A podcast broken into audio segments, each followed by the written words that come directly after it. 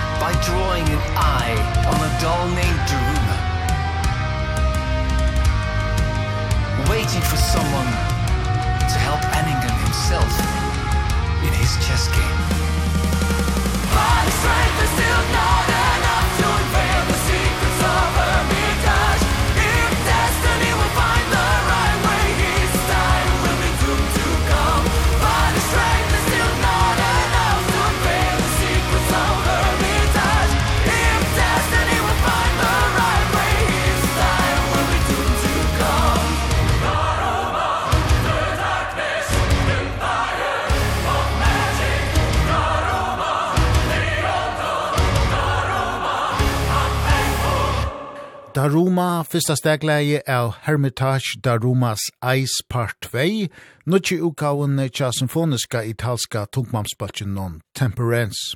Kjenta studieutgava torra var tøk 20. oktober.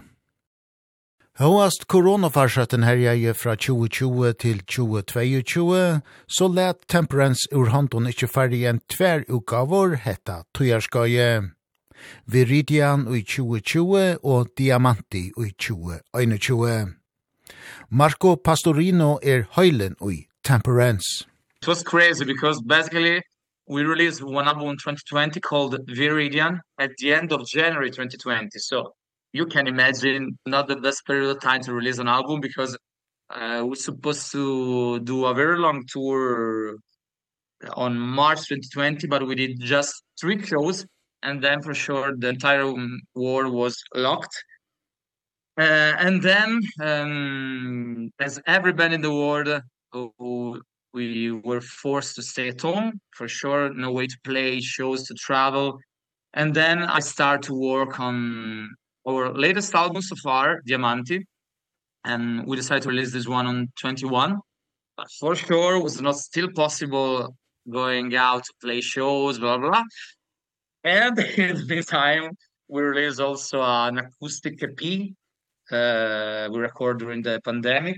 Seems like not only for us, but for the young bands like us, basically we lose a couple of years doing nothing. Uh, I think music was not a priority in the world back then, uh, for sure, and I totally know that. We lose uh, tons of chances, tons of possibilities here and there. But uh, here we are again. Luckily 2023 was the was a very busy year for us.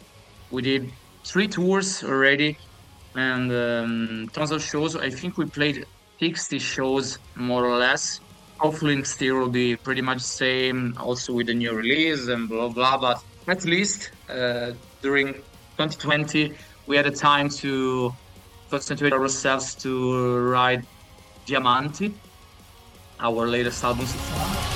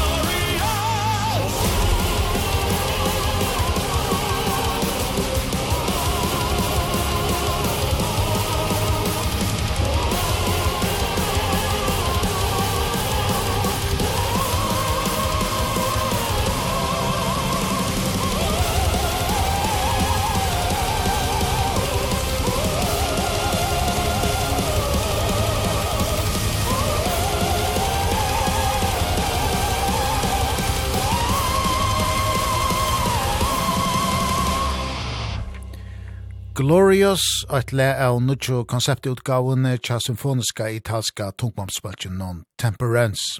Hermitage Darumas Ice Part 2 ver utgiven 20. oktober. Tver utskiftingar er farna fram i Temperance til esan nudjo utgavna.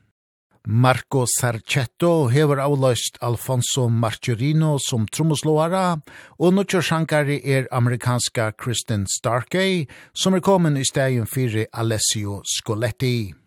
Og høvesmaveren ui Temperance, Marco Pastorino, er sera velnøktor vi Nuccio Limenar ui Bøltjenon. And the first time I met Christy was on 2019 on the 70,000 tons of metal crazy because she's from New York and we met there. And but a couple of years ago she moved to Sweden Europe because otherwise it would be a little bit impossible for us uh, ever in the band but uh, now she lives in Europe so uh, was a very natural reason to call her not natural thing to do because when we decide to change singer we have tons tons of names in our minds. But then the same day uh, I I check it out. I check out the a video from from her from Christine and she did a cover from Beast in Black. And uh, I I thought okay I'm quite sure she's the the right choice now. And that's the story. Um about Marcus Acceto the drummer um he's a drummer of another band from our best player Luca and was quite natural because uh, they live very close to each other. He's a such a talented guy. And first of all most important thing for us uh, is a great um, drummer but a fantastic human being. And this is the most important thing you know when you have to stay with other guys and girls for maybe one month for 24 hours you maybe you don't need the best player ever but an asshole. But you need a great person. And i think we found a a great human being. And i'm i'm very grateful to to met Marco because he's such a great person. How much of an influence have they have on the new album? Honestly uh not a lot because when we wrote the album i used to wrote stuff 100% by myself basically they joined the band when the um, some writing was done. For sure i changed some vocal lines uh, for Christine because i think she needs to she need to shine in this album. So uh, she have tons of different kind of uh, kind of voices in her voice. So we change something here and there. We push the operatic elements. There are some very metal stuff very high. And I think she's one of the few singers able to sing this stuff. So but basically that's the thing. First rays of light a farewell to the night they bring new hope before victor's eyes no sign of mankind was left around him nothing reminds of luxor.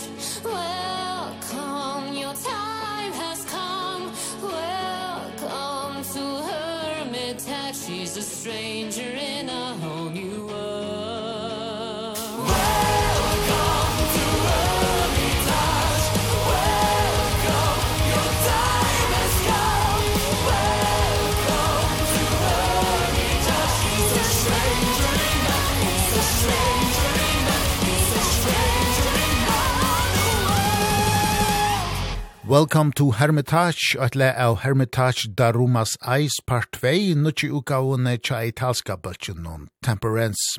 Kjente utgava torra var tøk 20. oktober. Høyast, hette er fyrsta konseptutgavan tja Temperance, så er tanken gammal, grøyer leskrivaren Marco Pastorino fra. We thought about a concept album for a very long time because on 2018 we released an album called Of Jupiter Moons, and there was a track called Daruma's Eyes Part 1. And back then I I have already the story in my mind, but I thought it was too difficult and too long to put the the entire story in just one track. That's the reason why the part 1. Also back then lots of people ask us about this part 1 if there is there will be a part 2 blah blah and we said sure sooner or later when there will be the right time there will be a part 2 but we still don't know where or when so after the release of Diamanti, I thought about this concept album a lot. I started to collect ideas and then I understood uh, it was the right time to do part 2.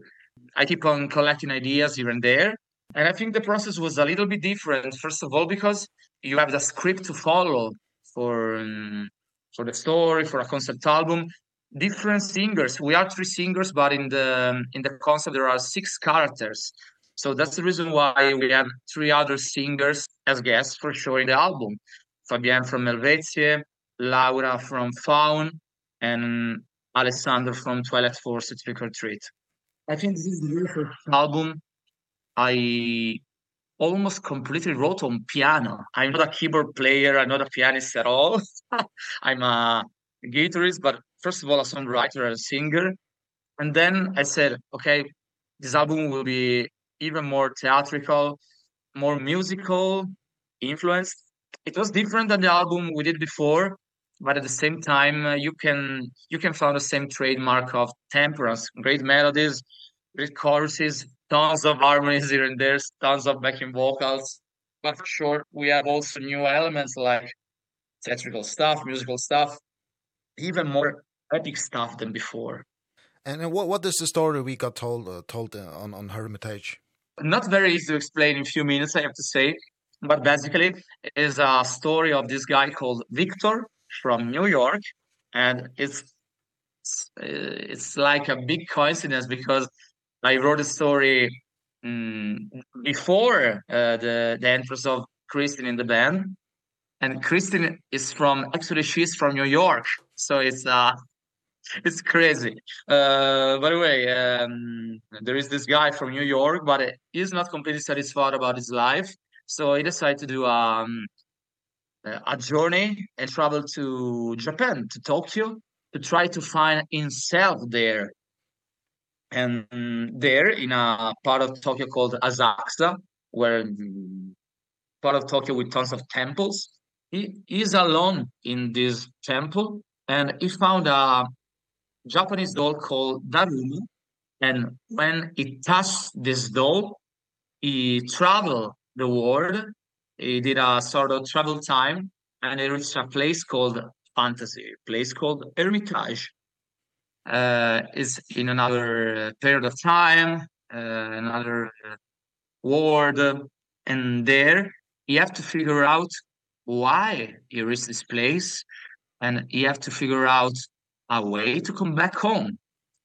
And then in Hermitage, you will meet some people here and there, some good people, some bad people. And uh, in the story and the concept, you will figure out tons of different things. Did the story end here or can we expect some more stuff from the story in the future? I don't know because you know um the end of the album is a little bit open as you as you will notice at the end of the track list. But um, we still don't know. Uh, for sure depends by the feedback about the album but also depends what what what tomorrow will bring us.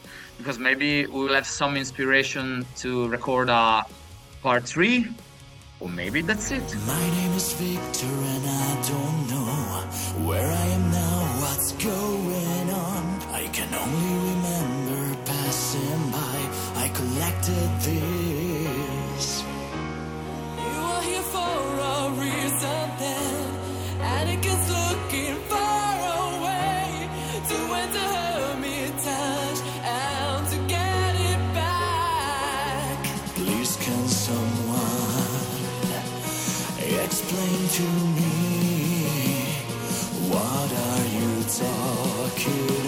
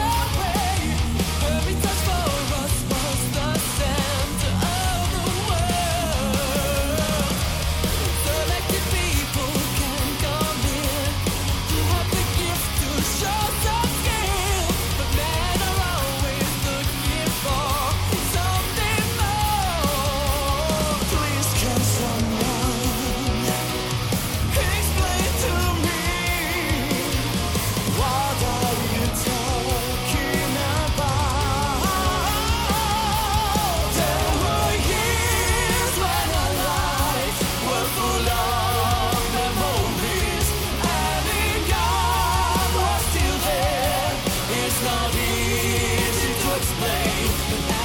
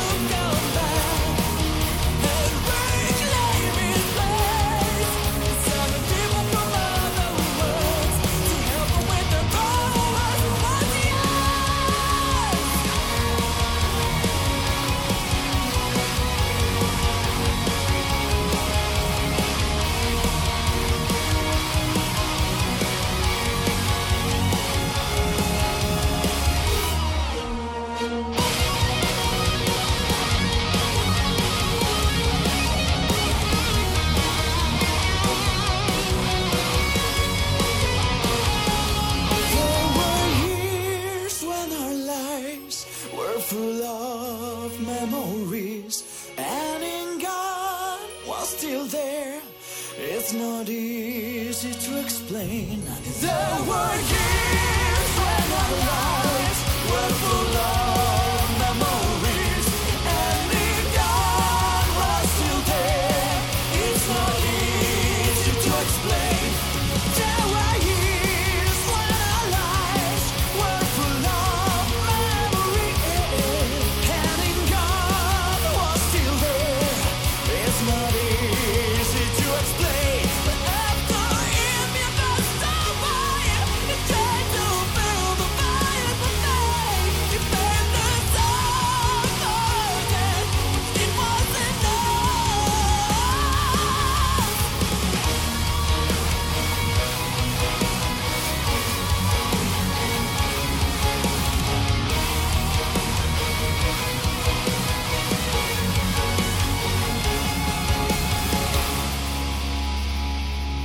In Search of Gold at lea nutjo konceptutgavene tja italsko Temperance. Kjenta utgava torra ver utgiven 20. oktober.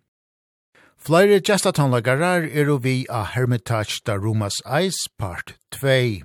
Ein er hollandske fjöldestamauren Arjen Lukasen, som hever løykluten som frasomauer. Og Lukasen vær et naturligt vel til hentan løykluten, helder høvsmauren ui temperance Marco Pastorino. It, it was a very natural choice for me because Arjen is one of my personal heroes in music business. I think the last Aryan album Transitus was the one of the main reason I decided to do this album because I I I still think Transitus is extremely underrated and is such a masterpiece. In my opinion one of the best album released in the last years. And um when I thought about a narrator I thought about Aryan so I contact him. I asked him to be part of the album. and it was a little bit difficult because uh, you know i don't know if you know this guy but uh, is very humble guy. He said you know my voice sucks and i i don't think i'm i'm the best person that can do can be a narrator for the next temperance album. But i said i don't know if you you'll be the perfect guy or not but uh, it will it will be very important for us if you will be part of this because it's also because of you. You gave us this the inspiration to do it. So let's try. And so far everyone is um, very excited about Aryan in the album and I think he did a fantastic job. Det er italske Simone Mularoni som hever mixa og mastra Hermitage da Rumas Ice Part 2. Simone hever avur veri vi og i framlarslene av Trimon utgavon tja Temperance, og han hever gjørst at vela arbeid i hesefer heldur Marco Pastorino. Simone did uh, already other three albums with us, the first three albums of Temperance, and then uh, just because we like challenge time, uh, we worked for other three albums with uh, Jacob Hansen from Denmark. When I started to work on Hermitage, I thought was the right time to come back at our roots basically also because Simone is a very good friend of us. And I mean so far I think Simone probably probably is my favorite producer in the metal world nowadays and uh, is the best sound guy in the world. So um, it was very very natural.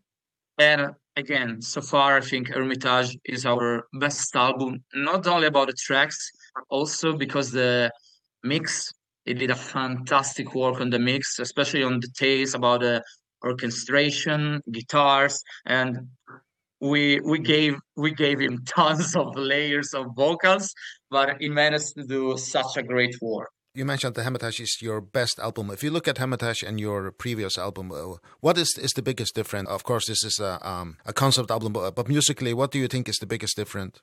I think uh, Hermitage is uh, even more epic than before because you know during the years uh, also in Diamante but um, we started to leave the electronic elements instead of epic elements.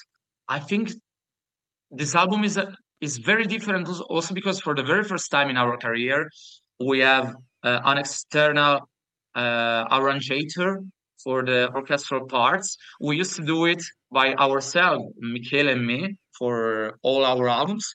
But for this album just because it's even more epic we decided to work with uh, Daniele Mazza from Ancient Bars such a great band from Italy. And um, it is a very great work. And then last but not least probably the biggest difference is the vocals because now we have uh, Christine Starkey and she's a extremely talented singer. I mean, I'm very grateful because during the years I had a chance to work with tons of singers, not only for Temperance but also for my other band Serenity. I had a chance to work with tons of singers also as producer or songwriter, but I think I never met someone like Christine she's a extremely talented singer. She can sing whatever she wants and it's very easy for for her. I mean when we start the recordings um unfortunately i was not able to reach her in sweden because tons of stuff to do here. Um so we work uh by distance.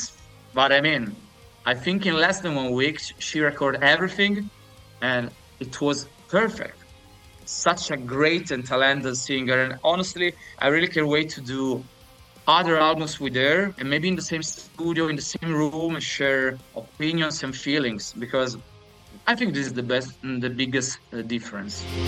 On the road again, many questions fill up the doubtful minds of them all. What should they believe? Can they truly trust what Pharamond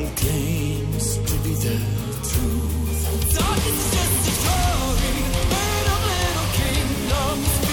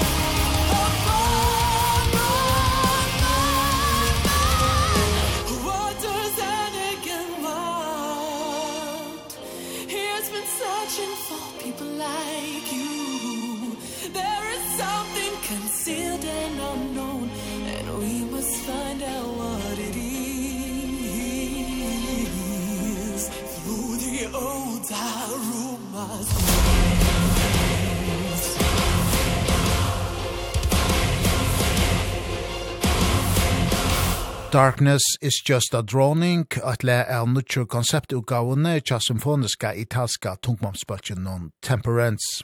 Hermitage da Rumas Eis part 2, som er kjenta utgava torra, hver tøk 20. oktober.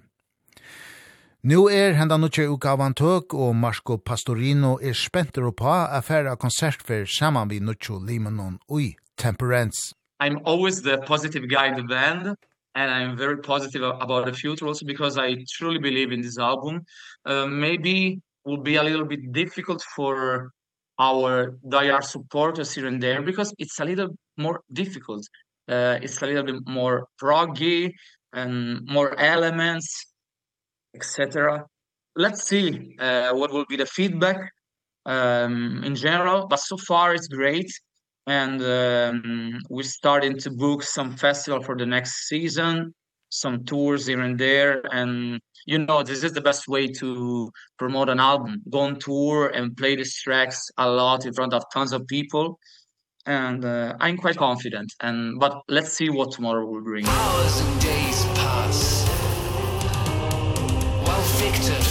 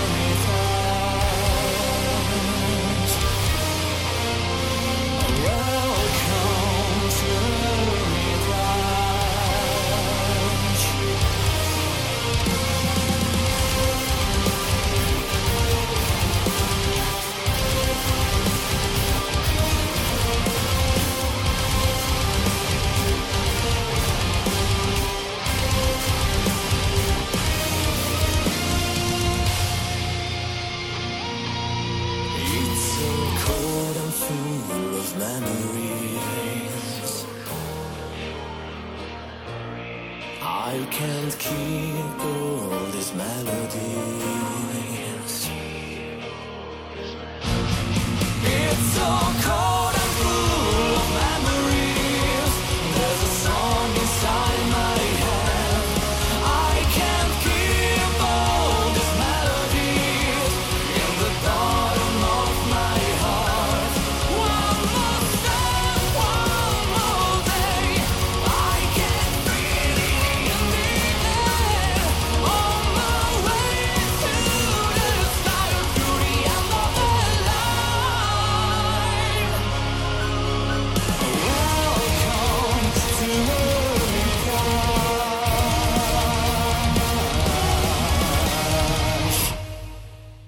Vi hava tåsa vi Marco Pastorino, hovesmannen og i symfoniska italska tungmamspatjen non Temperance. Vi prata vo om nuccio konceptutgavo Torra, Hermitage da Romas Eis part 2, som var tøk 20. oktober. Vi spalte oisne flori lø av oss kjente i utgavene Tja Temperance, og nu til søgnast har du vid Full of Memories.